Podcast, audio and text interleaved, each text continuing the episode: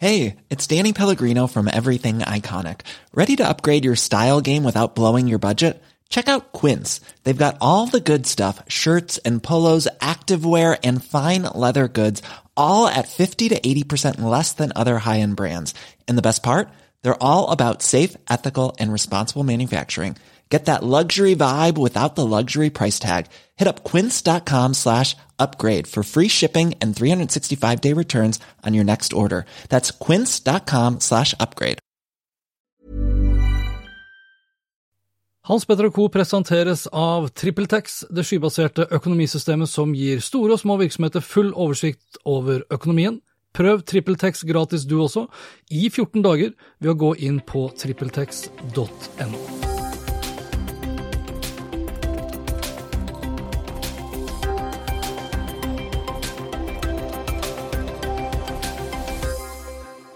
Vi begynner å nærme oss slutten av 2019, og med det også slutten av et ganske så spennende tiår preget av store, fundamentale og ikke minst disruptive endringer. Endringer som har påvirket alle bransjer, og det på godt og vondt. En av de bransjene som virkelig har smakt på endringer de siste ti årene, er mediebransjen. Internett, sosiale medier, smarttelefoner, AR, VR, innholdsmarkedsføring, native advertising, algoritmer, personalisering, falske nyheter, dark post, kunstig intelligens, banner blindness, adblocking og smarthøyttalere er bare noen få eksempler på den omstillingen mediebedrifter har stått i, og som de fortsatt står i. I den anledning, og da ikke for å diskutere bare det siste tiåret, men kanskje mest av alt ta en kikk på det siste året, så har jeg slått av en prat med en av de gamle traverne i mediebransjen, som i stor grad dekker mediebransjen. Og da snakker vi selvsagt om Kampanje, som i 55 år har fulgt bransjen tett. Og for å høre litt mer om hvordan medieåret 2019 har vært, så inviterte jeg den ansvarlige redaktøren i Kampanje, Knut Christian Hauger, til en prat. Og nå har ikke jeg til vane å slå terning, men en gang må jo være den første, og derfor spurte jeg Knut Kristian, eller bare KK for kort, om hvilket terningkast han ville gitt til mediebransjen for 2019. Men først det her. God fornøyelse. I'm Sandra, and I'm just the professional your small business was looking for. But you didn't hire me because you didn't use LinkedIn jobs. LinkedIn has professionals you can't find anywhere else, including those who aren't actively looking for a new job but might be open to the perfect role, like me.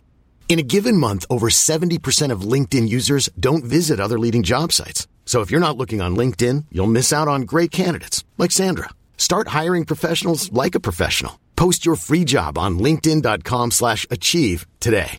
If you're looking for plump lips that last, you need to know about Juvederm lip fillers. With Juvederm Volbella XC and Juvederm Ultra XC, your lip look, whether it's subtle or bold, can last up to one full year with optimal treatment and no additional maintenance. Find a licensed specialist and see if it's right for you at juvederm.com today. That's J U V E D E R M.com. Add fullness to lips in adults over 21 with Juvederm Volbella XC or Juvederm Ultra XC. Do not use if you have severe allergies or a history of severe allergic reactions, or if you're allergic to lidocaine or the proteins used in Juvederm. Tell your doctor if you have a history of scarring or taking medicines that decrease the body's immune response or that can prolong bleeding. Common side effects include injection site redness, swelling, pain, tenderness, firmness, lumps, bumps, bruising, discoloration, or itching. As with all fillers, there's a rare risk of unintentional injection into a blood vessel, which can cause vision abnormalities, blindness, stroke, temporary scabs, or scarring. For full important safety information, visit juvederm.com.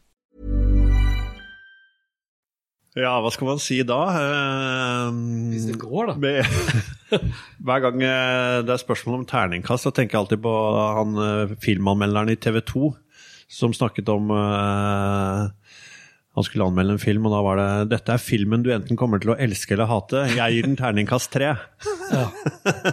så kanskje vi er litt der at uh, det er året man kanskje enten hater eller elsker. Litt avhengig av hvor man har stått i bransjen, uh, og at man derfor ender på en treer. Men litt sånn fra vårt perspektiv i kampanje, og så har det jo vært et eh, fantastisk innholdsrikt år. da. Og vært det både skjedd ting internt og eksternt som har vært utrolig spennende å følge. så jeg får jo si eh, at eh, jeg er jo mer på den positive siden av skalaen enn den negative. Så la oss si en femmer, da. Ok.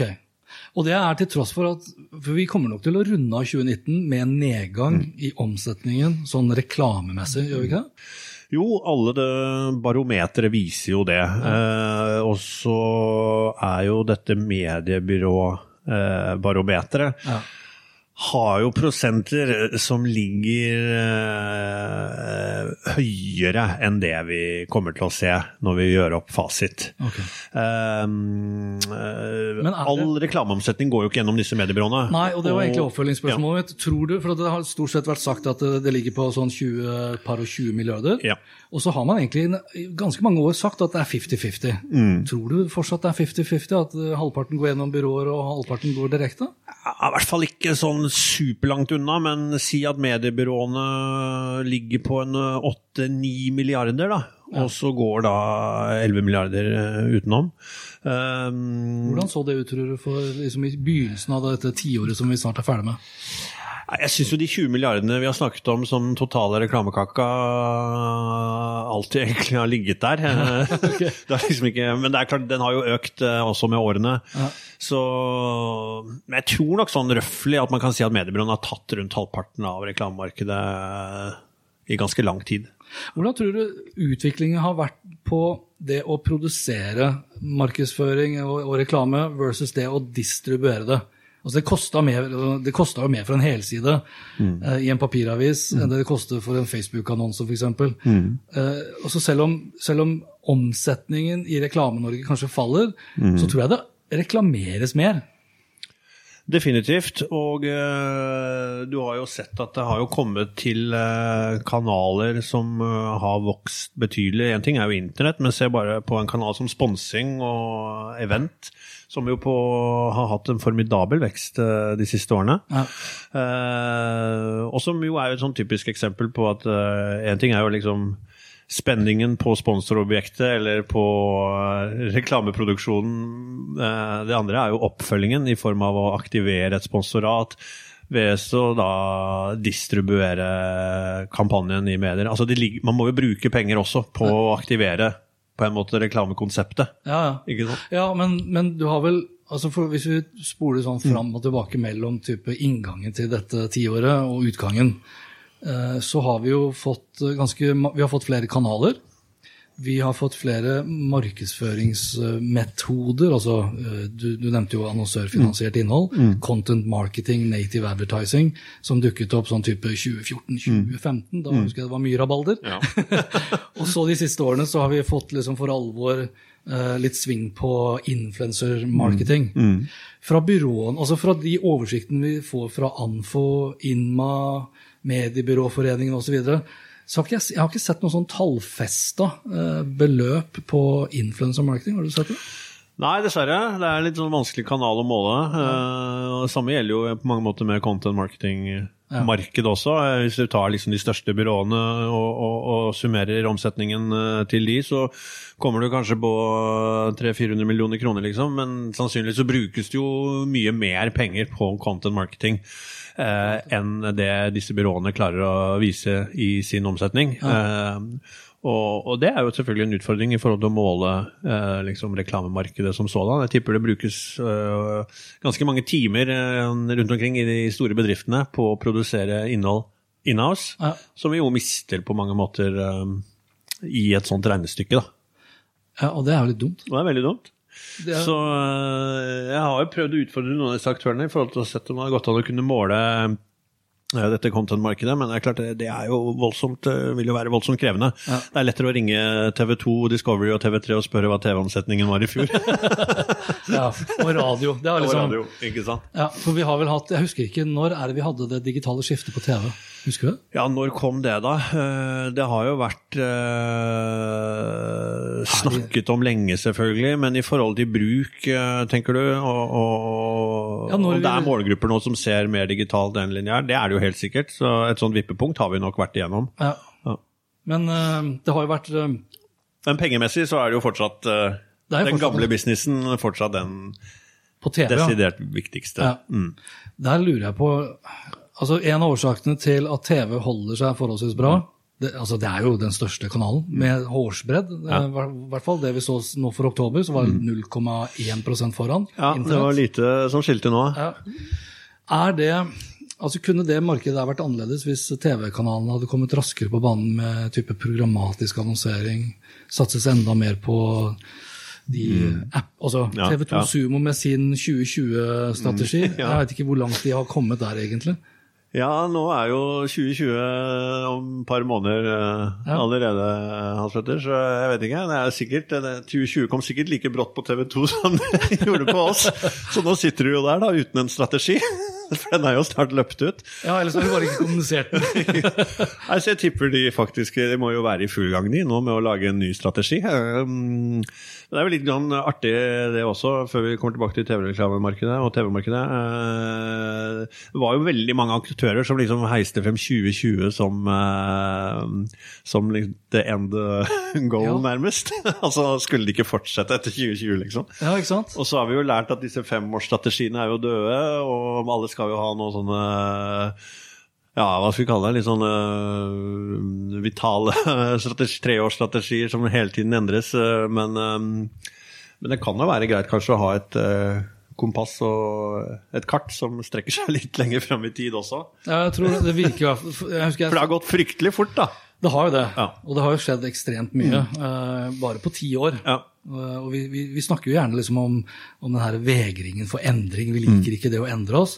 Uh, samtidig så tror jeg nok folk endrer seg uten at de er klar over det. Uh, Atferdsendringene har også blitt ganske formidable. Hvis vi skulle liksom spurt tilbake til 2010 og sett noe i dag, så sitter vi i dag med helt annet, en helt annen mediehverdag. hvor. Hvor vi som mottakere har blitt veldig sånn Vi er en del av on demand-generasjonen. Mm. Og det er kanskje den eneste generasjonen som ikke går ned på alder, i hvert fall ikke så altfor mye. altså De eldste er nok fortsatt litt sånn klassisk Mm. Ja. Mm. lineære. Leser papiraviser, hører på kringkasta radio.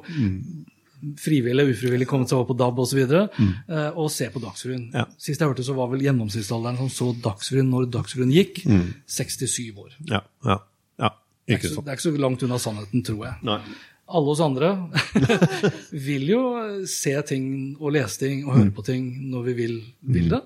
Og det er vel Definitivt. kanskje der også historiefortellingene annonsørbasert Absolutt. Eh, Så sånn sett var det jo på mange måter eh, mye riktig i det TV 2 sa i 2015, Ja, når, eller jeg tror det var noe 2016, når de annonserte denne strategien. Ja. Eh, og det var jo at TV 2 Sumo skulle ta en mye større og, og viktigere plass i TV 2-huset ja. enn det det hadde gjort eh, så langt. Og om de klarte å forutse at endringene i seermønster skulle eh, bli så store, eh, det, det aner jeg ikke. Men, eh, men eh, det er klart eh, eh, det, det lå nok mye fornuftig i, i den strategien TV 2 eh, eh, la i 2015-2016. Om de har klart nå om de har nå klart å eh, få til dette lønnsomhetsforbedringen på 350 millioner, det får vi nå se. Eh, det, det, eh, nå har de jo fått litt statlige penger også, jeg vet ikke om de går inn i det stykket, men Men de hadde vel ambisjoner om 700 000 ja, de hadde ganske friske ambisjoner på sumokunder. eh, Og ja, det spøkes jo litt sånn internt i TV 2 vet jeg, med at eh, sumo skal jo være den neste, neste milliarden i omsetning. Ja. Eh, og, og det kan de nok fort komme eh, til å klare i, i 2020, tror jeg. tror? Ja, hvis de fortsetter den veksten med, med, på sumo som de, som de har hatt. Nå går de ikke ut med disse tallene altfor ofte, disse strømaktørene, Nei. dessverre. Men, Og det men- tror jeg de kommer til å holde enda tettere nå som det, blir så nok mange aktører. Absolutt. Det virker som er veldig konkurransesensitivt, de greiene der. Eh, I forhold til hvor mange kunder du har. Um, men eh, hvis de har en 500 000 kunder, eh, 600 kanskje, begynner å nærme seg eh, om noen år, så, så, så er jo ikke den milliarden langt unna, hvis du begynner å gange opp. Nei, og hvis de, hvis de da blir Hvis de da får lagt på programmatisk, da, sånn at varelageret totalt sett kan utvides ned da på Og spørsmålet er jo da hvordan skal du da benytte deg av det varelageret opp imot hva jeg ser på, hvem jeg er som profil? Eh, For da kommer det kommer sånn herre Vil jeg samtykke til f.eks. at uh, smart-TV-en min med mikrofon skal brukes for at TV2 skal gjenkjenne hvorvidt det er jeg som ser på det her, Mm. kona mi, uh, barna mine, eller at det er familien, sånn at det blir liksom tilpassa reklame til den konteksten. Ja. Det, altså, da, da må vi i hvert fall spørre GDPR først om, lo, om lov. For samtykke snakka vi heller ikke i noe særlig grad for, for Nei, noen år siden. nei, nei, nei, altså hvis det Jeg vet ikke, altså, men uh, får jo håpe den uh, programmatiske TV-reklamen blir litt bedre enn uh, det som blir resultatet av disse serietipsene jeg får fra disse strømaktørene. Da. Ettersom uh, vi er stadig flere innom og bruker de samme profilene, Ja, Ja, så blir det jo Netflix, på? Netflix spesielt, Ja. så blir jo ikke den personaliseringen sånn sykt god. Nei, men det er jo ikke så lett heller, da, for all del. Vi har oppretta forskjellige profiler. Vi har det, men uh, jeg syns allikevel at uh, okay. det er skurr. Ja, Spotify har jo vært ekstremt flinke. Eh, før de kom med sine profiler, og barna mine og kona mi liksom brukte den samme kontoen som jeg hadde, så hadde vi jo to problemer. selvfølgelig, At to stykker kunne ikke bruke den samme kontoen samtidig. Det var jo det ene. Det andre var jo at den Fest-Spotify-spillelisten din, den var jo helt ødelagt av at eh, små barn hadde fått lov å leke seg med, Spotify. Det er jo løst. Ja. Netflix føler jeg også har egentlig vært gode til å løse det. Eh, Jeg har jo logget på flere, flere av familien også på YouTube-kontoen. Ser at jeg synes det, det som kommer opp der av algoritmiske forslag, er Ja, bra. bra. Eh, Sumo gjør jo ingenting der. Nei. Så, så der har liksom Norge igjen, da. Jeg føler at vi kommer litt sånn Ja. på etterskudd. Ja. Og det er litt synd, fordi som for Sumo og TV 2 sin del, så syns jeg faktisk de har fortsatt veldig mye godt innhold. Mm, Men jeg må, jeg må ofte liksom google eller spørre i sosiale medier. eller jeg har oppretta en Facebook-gruppe hvor vi liksom kommer med forslag til serietips. Burde Ja. ikke vært sånn. Datasignalene fått, er der. uh, Ja. Men hvis vi skulle Men, sett ja. eh, litt på, på bare 2019, da, Ja. fra, hvis vi begynner å snakke helt tilbake til 2010 for mye, så blir det for mye ja, da kan vi holde på i flere eh, timer. Men i løpet av 2019, er det noen sånne spesielle ting som du tenker liksom, fadder, det der stakk seg ut som noen saker for året? Ja øhm, Altså, det er jo noen sånne ord øh, som dukker opp øh, i hodet når man tenker litt tilbake. Selv om det, vi journalister er jo veldig kortsiktige, da, så vi tenker jo stort sett bare fram til neste dag. Ja, ok. Men hvis jeg skal, skal prøve å tvinge meg liksom, til å tenke litt bakover øhm, altså, Jeg vil jo si bærekraft har jo vært et ord, i hvert fall i marketingverden, øh, som har prega 2019. Er det blitt misbrukt allerede? fryktelig mye snakk om bærekraft.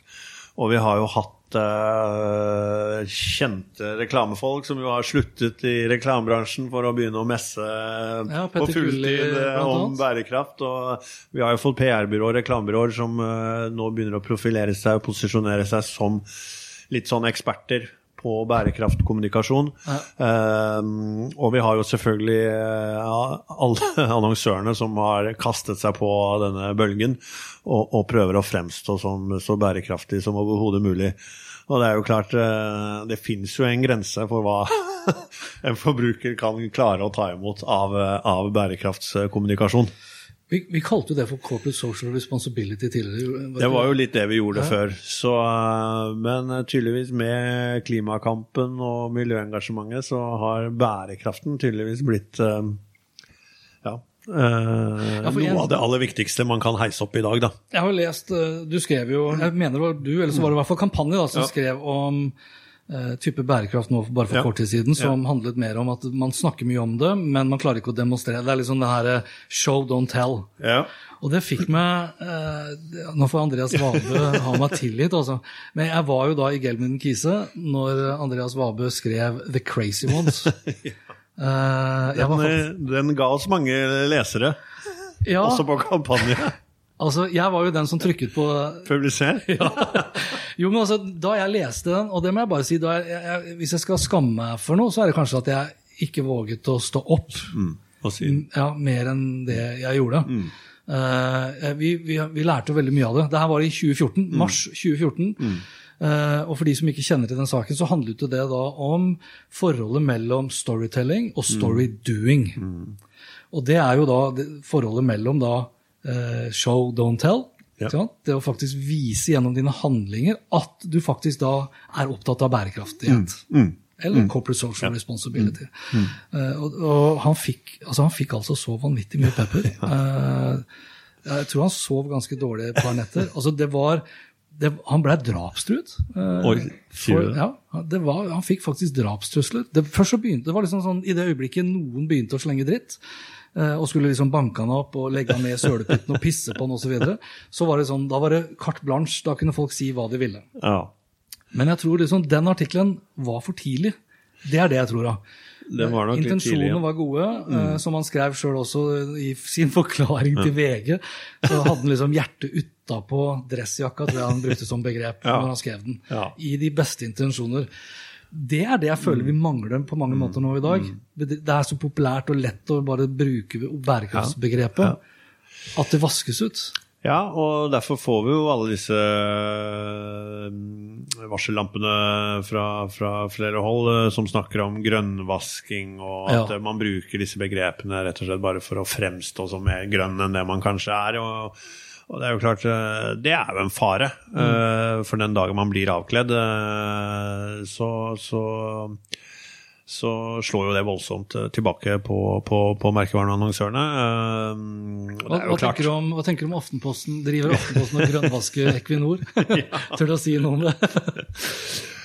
Ja, det har- i hvert fall blitt en stor diskusjon. Uh, uten at jeg har fulgt den sånn, det burde jeg jo selvfølgelig ha fulgt eh, kanskje enda nøyere. eh, Men, uh, Ja, for da snakker vi om Equinor. Equinors uh, podkast, Ja, eller da som Equinor et sånn sine episoder til Aftenpostens Forklart-podkast. Ja.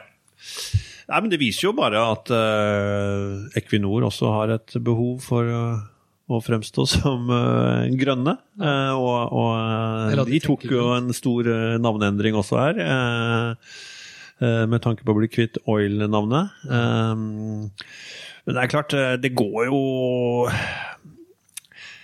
ja, det går jo an å ha to tanker i hodet her. Eh, man kan jo, uten at vi skal lage noen politisk debatt Nei, om klimapolitikk, så er det jo klart Men jeg syns det er interessant å følge diskursen, Ja, og hvordan definitivt. den utvikler seg, og hvordan også da eh, kommunikasjonen tas ut i andre kanaler og Mm. i andre former, og i dette tilfellet her, hvor da Equinor som tross alt er et veldig svært selskap, Mm. Ja. og har liksom hundrevis av kommunikasjonsrådgivere, velger da å bruke penger på å piggybacke da, Mm. Ja. Mm. på Forklart sin podkast, med velsignelse fra både Aftenposten og Skipsted. Det har vi ikke sett før. Nei. Eh, jeg husker Torry Pedersen, daværende Var han både redaktør Redaktør og og- direktør? var han ikke? Eh, han dro jo den strikken også ganske mye når content marketing liksom begynte Ja. å bli eh, en ny inntektskilde eller en ny måte å drive reklame på. Mm. Det er jo det samme egentlig vi ser her nå, de samme debattene på, sam, på mange måter òg. På mange måter er det jo det, og, og mediene har jo i alle år eh, på mange måter livnært seg av å selge eller leie ut eh, troverdigheten sin til annonsører. Eh, fordi annonsørene ønsker jo å plassere budskapene sine i et eh, så trygt og eh, miljø som, som overhodet mulig. Eh, som jeg sier, det er jo ingen annonsører som ønsker å vise fram annonsene sine i et revehi. Nei, men det er mange som gjør det. Fordi... Nei, men det er veldig mange som gjør det. ja, fordi de ikke tenker over hvor annonsene havner når du bruker Google nettopp. Ads. Helt riktig. helt riktig. Så Sånn sett så har jeg full forståelse for at Equinor gjør det de gjør. Og så er spørsmålet om Aftenposten uh, går for langt. Jeg er nok ikke den som uh, hisser meg opp aller mest over uh, at Aftenposten har gjort det grepet her. Jeg tror media må fortsette å utforske mulighetene. Og så må man bare lære seg om Det er jo klart, hvis brukerne syns dette blir gærent, leserne av Aftenposten reagerer, så er det jo ikke et godt Nei. produkt. Men er det ikke alltid noen som reagerer? Jo, og så er jo spørsmålet hvor mange, da. Ja. Og hvem? og hvem? Det er jo noen som mener noe om alt. Og, og, og eh, jeg har ikke sett noen spørreundersøkelser, eller eh, jeg har ikke gjort noen heller, men eh, jeg klarer ikke helt å tro at det er noe det norske folk går rundt og er voldsomt opprørt over. Altså. Nei, jeg har, jeg har ikke den følelsen. Og så har vi jo, Nå har de hatt tre episoder, de skal ha tre episoder til. Mm. Eh, jeg håper å få til en samtale med Mm. eh, Aftenposten når liksom, kampanjen er over og de kan dele noe innsikt. Så får vi se da hva, Og altså- blir. liksom. Og det vises jo programmer på norsk TV i dag som er 100% finansiert opp av store norske selskaper. Ja. Eh, altså ta Luksusfellen på, med hun Silje Sammel, er det ikke det? Ja. Fra DNB, ja. Det er jo et eh, finansiert produkt av DNB. Mm. Uh, Men da er det kanskje Så kan du si at kanskje TV3 har litt, eh, scorer litt dårligere på redaksjonell troverdighet enn Aftenposten. Ja, Og så er det kanskje litt forskjell da, Men, på rein. For det er et underholdningsprogram, er det Det er et underholdningsprogram. Uh, men jeg, er det noen som tror at Equinor har lagd et nyhetsprogram? Altså, de som, de som hører på Jeg har hørt på alle episodene. øh, fordi jeg er interessert i liksom, Jeg er interessert i formatet og plasseringen og liksom hele dette redaksjonelle versus det kommersielle. Og så er jeg jo opptatt, jeg også, av en bærekraftig klode. Jeg har begynt å lese litt for mange sånne bøker som gjerne tegner et sånn dystopisk bilde av hvordan fremtiden kommer til å se ut. da. Eh, og så tenker jeg liksom, Hvor har jeg fått tilgang til så mye, syns jeg, nyansert uh, informasjon og kunnskap? Eh, for jeg syns de faktisk presenterer det på en veldig objektiv, balansert måte. Ja.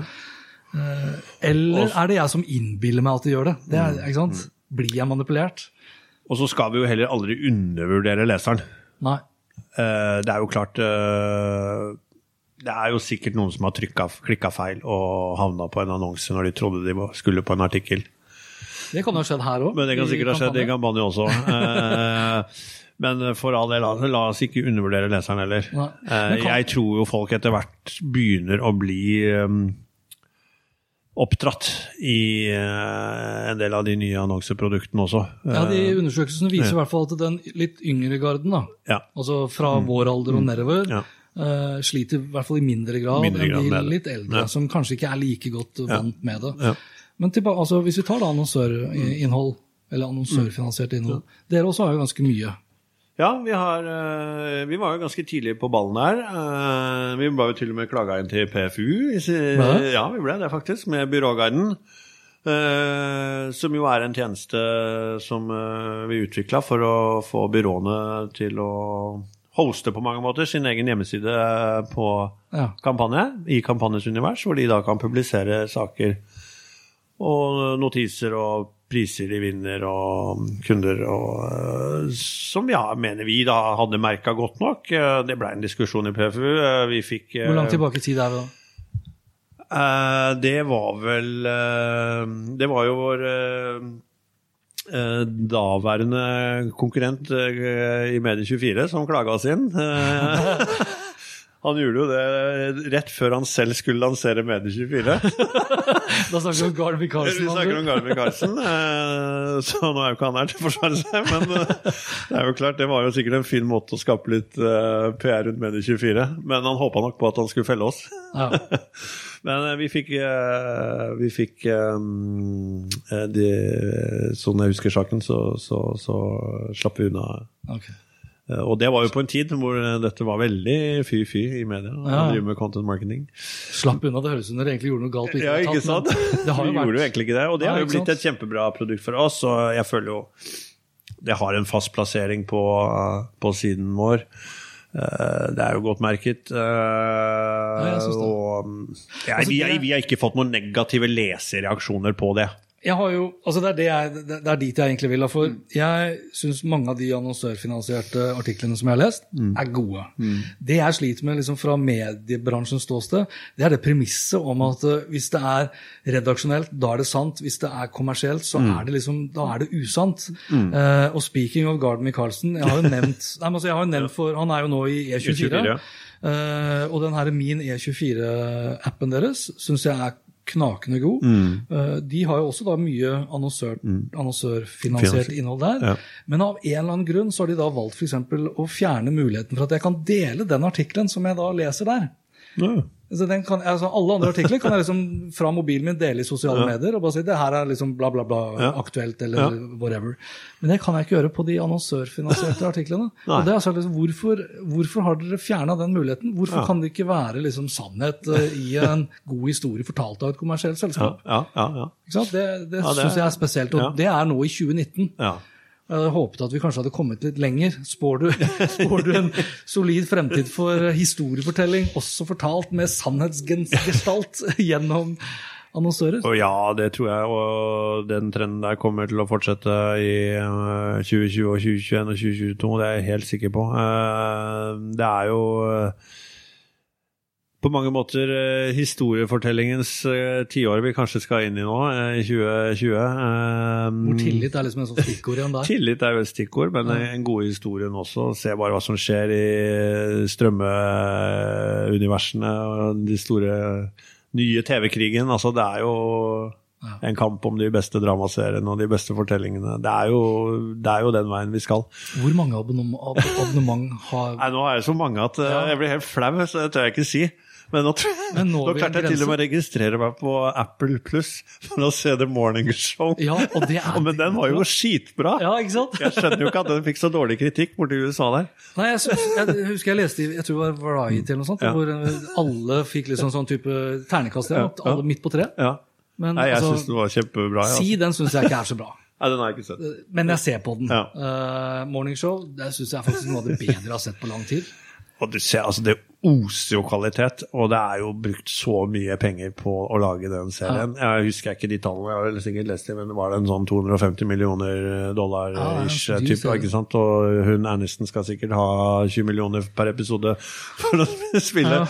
Men, eh, men det er jo på mange måter der lista ligger nå, for norske innholdsprodusenter. Ja. Det er det de sammenlignes med, eh, og kommer til å bli sammenlignet med fremover. Og det stiller jo bare sinnssyke krav til norske historiefortellere, norske TV-produsenter, norske TV-kanaler. Det er klart øh... Hvis jeg skal gjette på én konsekvens Mm. av altså det, for Mange snakker jo liksom om eh, det her er starten på slutten for Netflix osv. videre. Det tror jeg heller ikke. Eh, men det er klart, de Apple TV Pluss er jo en konkurrent. Disney Pluss fikk jeg testet Mm. Ja. her forleden dag. Skal ikke si hvordan, for det er ikke lansert i Norge ennå. Eh, men det jeg tror faktisk det kan være Jeg tror 2020 kanskje kan være starten på slutten for det å binge. Ja. For hvis du tenker liksom hvor mye eh, penger Netflix bruker i dag på innhold eh, Og det, har, altså det å binge har vært en sånn Netflix-greie. Ja. Så tror jeg liksom kostnad per bruker ligger på et sted mellom 500 til 600 dollar eller noe sånt i okay. året. Ja. Og, hvis, og hvis de får da konkurrenter, og det har du jo fått, da, massivt med konkurrenter, så er jo én måte å, å hin- forhindre at folk forsvinner for tidlig, det er jo å ikke legge ut alle episodene av en sesong med en eneste gang. Så jeg tror, sånn som HBO for eksempel, Ja. som har et mye mindre kartotek, har jo liksom kjørt episode for episode for Game of Thrones. Ja. Samme gjør de, altså Plutselig nå så må jeg liksom vente en hel uke på å se neste episode av The Morning Show. Selv om jeg kanskje kunne ha valgt liksom å bruke en hel søndag på å se hele greiene. Jeg tror binging Ja. står i fare for å forsvinne.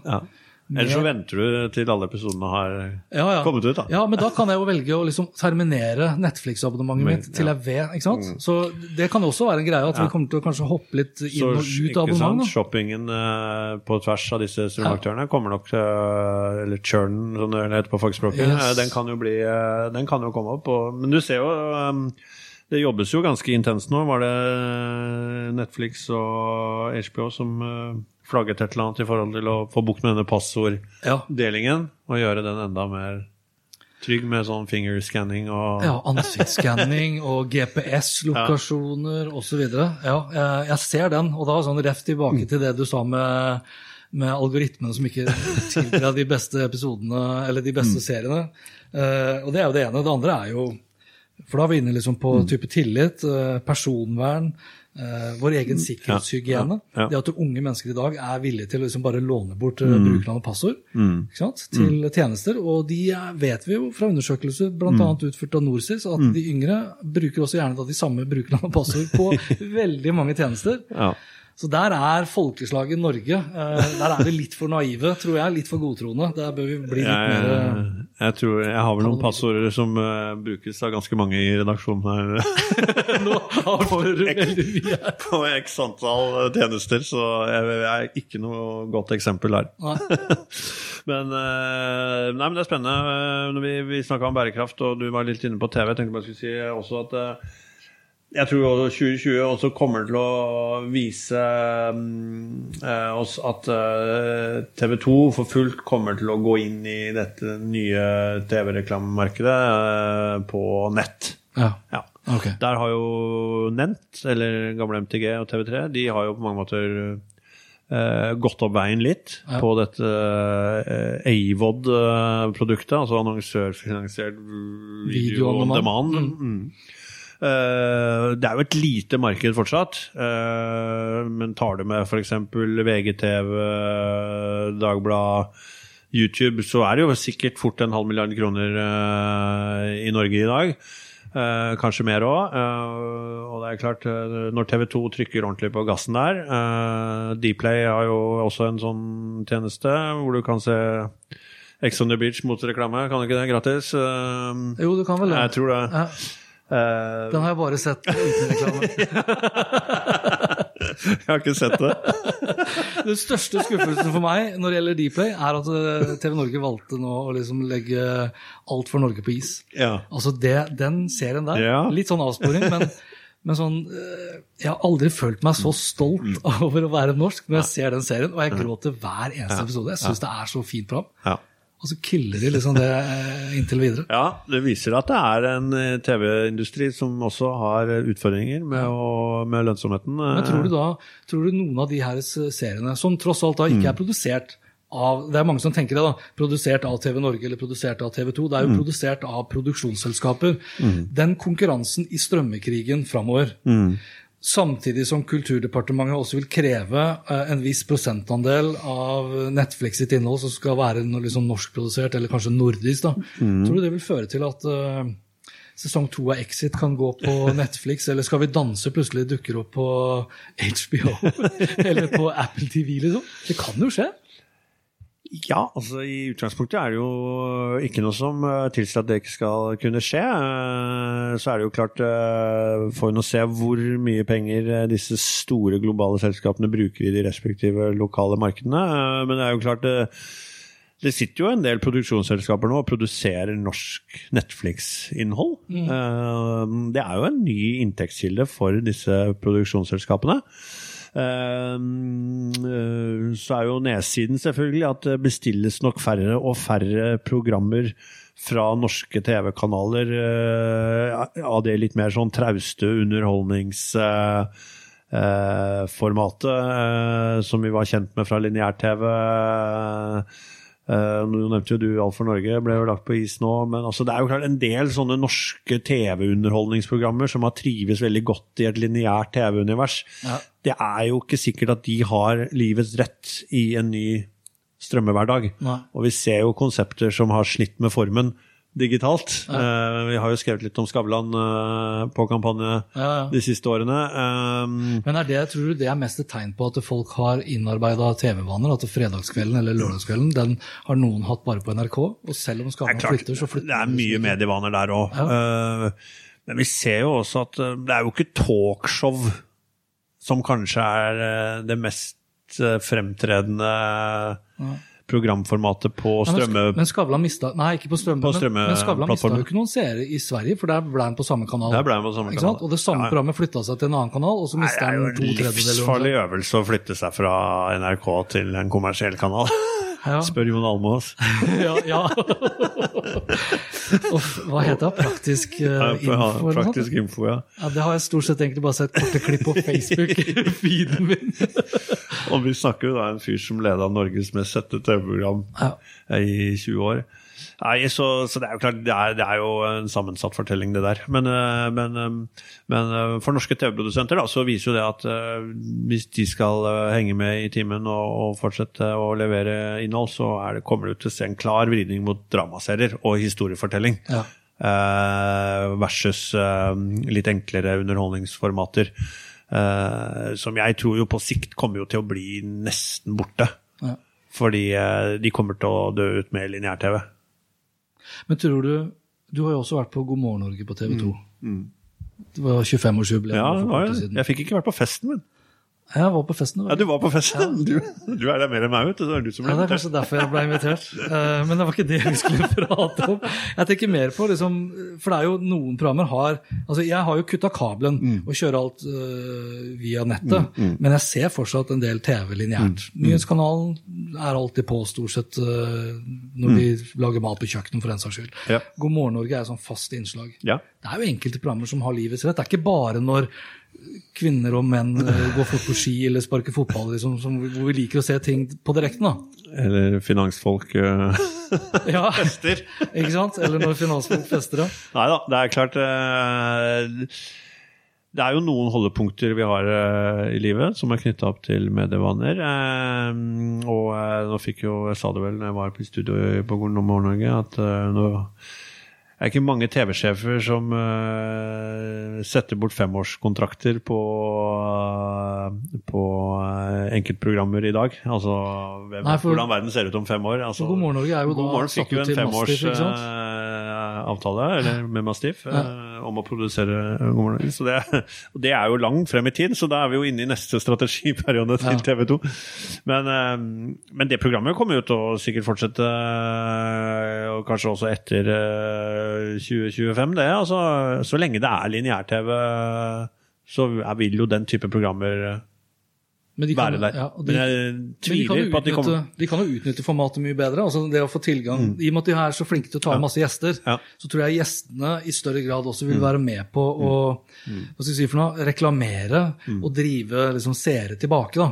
Om det så da bare er de enkle klippene som Ja. du kan legge reklame foran og etter osv. Ja. Mm. Der syns jeg fortsatt liksom TV 2 og egentlig TV-bransjen som sådan er veldig sånn, de er veldig bestemte på det formatet. Sånn, har- sånn har det alltid vært, og sånn skal det alltid være. Det er samme som når du skriver en kronikk for en avis. Så er jeg bare sånn, ja, men Vi har ikke plass til mer enn 7000 tegn eller 4000 tegn. bare sånn, er mye plass på den harddisken som ligger et eller annet sted i skyen. liksom. Ja, ja, ja.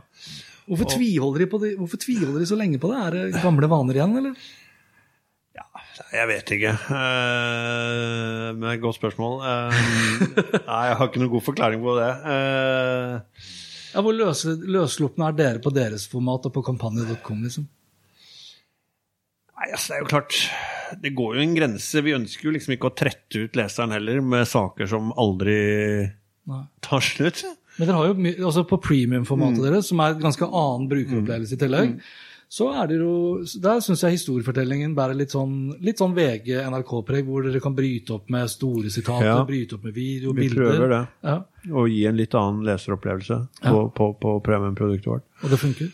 Ja, det virker i hvert fall sånn. Eh, Det tikker inn uh, nye abonnenter, og uh, de som uh, er abonnenter allerede, ser ut til å bli. Så, så prøver vi jo liksom å skille de to produktene litt, da. Ja. Eh, og sånn sett eksperimenterer jo litt med formatene. Eh, men det er jo klart eh, Folk blir alltid så sinna når, når noe ligger bak premium, og du har lyst til å dele det. Ja. Spesielt da hvis, du deler, hvis jeg har fått en artikkel som er på premium, så er jo de fleste av mine venner er jo ikke opptatt av mediebransjen. De kan være opptatt av kanskje hva Ja. som har blitt Ja. sagt der. da. Så er det sånn, det er liksom take it or leave it. Ja. Nei, det, og det er jo selvfølgelig litt sånn Det er jo litt sånn, eh, kan jeg være ærlig på det, litt sånn vondt når man tror man har en sak som på mange måter øh, øh, ja, ser potensial i, da, i forhold til å bli bredere lest enn kanskje målgruppa vår. Og man sånn sett øh, vil jo da at flest mulig man, Journalister vil at flest mulig skal lese sakene. Ja. I, eh, det er jo liksom eh, Det ligger jo i ryggmargen vår. Og da er det jo alltid litt sånn vondt å, å, å legge den eh, på premium. men Man kanskje tror at da mister man jo litt det der delingspotensialet. Og vi ser jo at de premiumsakene går jo ikke like bra på Facebook eh, og i sosiale medier som eh, Det som er åpent. det som er åpent. Eh, men det er jo litt sånn som det har blitt. Eh, det er sånn økonomiene er. Eh, alle skal vi inn i lommeboka til eh, brukerne. Eh, og det er jo, blir jo en spennende reise å følge nå i, neste, i det nye tiåret vi skal inn i. For det er jo en eh, radikal forandring fra hvordan medier har vært finansiert Ja. fram til i dag. Hvor man har vært annonsefinansiert i all hovedsak. Vi har snakka litt om TV 2 i dag. Tenk på hvordan de var 90 reklamefinansiert for ikke veldig mange år siden. eh, mens de i dag kanskje har en reklameomsetning som står for halvparten. Ja, ikke sant. Ikke sant? Så øh, vi har jo alltid vært, øh, i hvert fall digitalt, har jo alltid vært reklamefinansiert. Nå bygger vi opp uh, premiumproduktet vårt. Alle andre medier er jo eneste de snakker om, er jo antall brukere og hva de får til på, på brukerbetaling. Men det som jeg, jeg er litt bekymra for, det er jo at når alle disse mediehusene skal inn i lommeboka di for å få betaling, Mm. så blir det ganske trangt eh, inn den døra der, altså. Ja, jeg begynner å merke det sjøl. Ja. Det blir fryktelig mange abonnement du skal forholde deg til. Og det er klart, da konkurrerer Aftenposten med Netflix, og da konkurrerer DN med TV 2. Det er et annet ballgame. Ja. Og eh, hvordan, hva som blir utgangen på den reisen her, det blir fryktelig spennende å se, altså. Vi har jo vi skal, vi skal runde av hvert øyeblikk, men jeg tenkte på Skipsted eh, og de andre mediehusene har jo liksom i årevis diskutert felles eh, innlogging, felles pålogging. Ja. Det ser ikke ut til å bli noe der. Ser ikke ut til at det kommer. Men nå er det jo øh, noen mediehus som ser ut til å finne litt sammen, da. Type Aller og Dagbladet leker jo litt med media, både Ja. på, um, på, på innlogg med dette AID. Uh, Skipsted prøvde jo å invitere folk inn i sitt Ja, speed. så- ah, ja, så de prøvde, men det var de andre som ikke da ja. Det gikk nå i hvert fall ikke. Nei. Uh, men det er klart, uh, her vil vi nok se bevegelser. Det tror jeg. For det er klart, eh, det blir for mange Ja. abonnementer, og det blir for mange innlogginger. Eh, og hvis vi skal tenke litt på hva som venter oss eh, i årene som kommer, eh, Hans Petter, så er det jo klart Det kommer jo til å bli mer konsolidering Ja. på det norske og nordiske mediemarkedet. ja, og jeg tror det også kommer til å dukke opp bundling-løsninger. og bundling, og se hva som skjer i USA nå. Altså eh, Hvor de nå begynner å pakke inn disse strømmetjenestene til brukere av mobiltelefonselskaper. Ja, Det er en grunn til at Disney Pluss fikk 10 millioner abonnenter på under en uke. Ja, Verizon Verizon som, som tilbyr Ja, dette her nå, ikke sant, til sine brukere. Og eh, nå blir det jo sannsynligvis eh, f- mer fart i Telias planer med, med TV4 i Sverige. Ja, Uh, og Seymour. Blir det Seymour gratis til uh, til Telias kunder Ja, i Sverige og Finland? Ja. Når kommer Telia pluss streaming? Ja, jeg tror ganske mye vil skje det der, kan altså. skje veldig mye spennende der. Eh, Og der må jo også da Schibsted kanskje tenke altså Jeg har jo et abonnement i dag på Mm. Aftenposten, men jeg får ikke noe rabatter hvis jeg abonnerer på de andre Nei. Schibsted-avisene. Det er null bøndel, det er null konsolidering Ja. i det hele tatt. Det markedet der må gås opp. Ja. Jeg er ikke i tvil om. Altså, hvorfor skal man ikke kunne kjøpe eh, en pakke med kampanje og Finansavisen sammen? Altså, her må jo bransjen bare begynne å snakke sammen. Ja. Du, det er faktisk kanskje det største som har skjedd i 2019, det er at Finansavisen har kommet seg ordentlig på Ja, det er jo bare å Gratulerer. Det- måtte en eh, 20-åring eh, Ja, det måtte en eh, junior Hegnar på plass. ja. Fader, det, den, den satt langt inne for Trygve, altså. Ja, den gjorde det. Men eh, nei, det må nok være deilig både for eh, de som skriver og, Ja. og de som eh, selger, at eh, de har et fullverdig digitalt produkt av, av Finansavisen. Så, um, så nå er vel avisbransjen i ferd med å bli heldig digitalt til slutt ennå. Ja, finally. Finally. Ok, Så vi tror, på, vi tror på mer on demand, vi tror Ja. på mer historier. Kons med historiefortelling, Ja. konsolideringer kommer til å fortsette. Eh, Økt andre, altså den tror du at økt betalingsvilje for eh, journalistikk betyr det samme som at tilliten til journalistikken er økende? Eller er det bare at vi bare må få innholdet, liksom? Det er jo i hvert fall fryktelig mye snakk om tillit og medier. Ja. Og det er jo klart eh, Det at folk faktisk betaler for produktet ditt, eh, er jo en eh, tilbakemelding på at de Ja. faktisk også Det er slags tror på det du skriver. Ja. Så eh, kontra en litt mer løsere relasjon dersom produktet er gratis, da, eller bare reklamefinansiert. Ja. Så, um, men så er det jo en grense sikkert også på hvor mye du kan uh, betale. Og det er jo en del av disse avisabonnementene som begynner å ha en ganske stiv, uh, stiv pris. Ja. Så det er jo klart, tillit trumfer nok ikke pris. Det tror ikke jeg.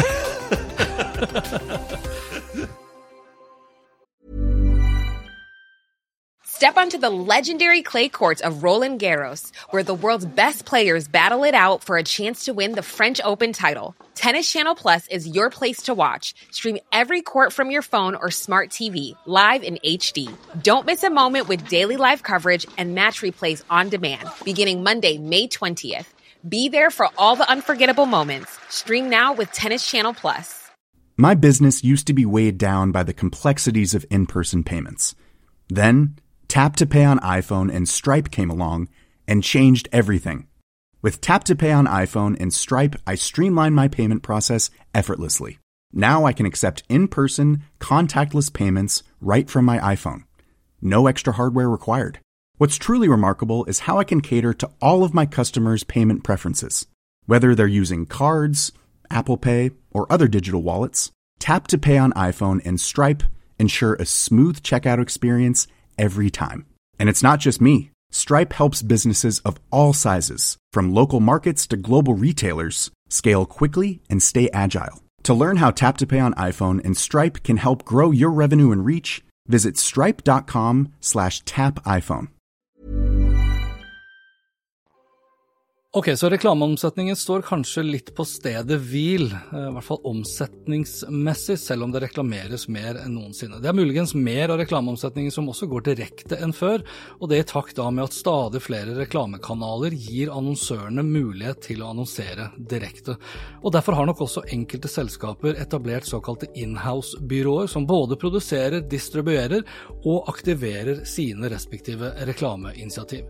I tillegg så har vi også sett et skifte hvor produksjonen tar gjerne mer av kostnadene, mens distribusjonskostnadene går således ned.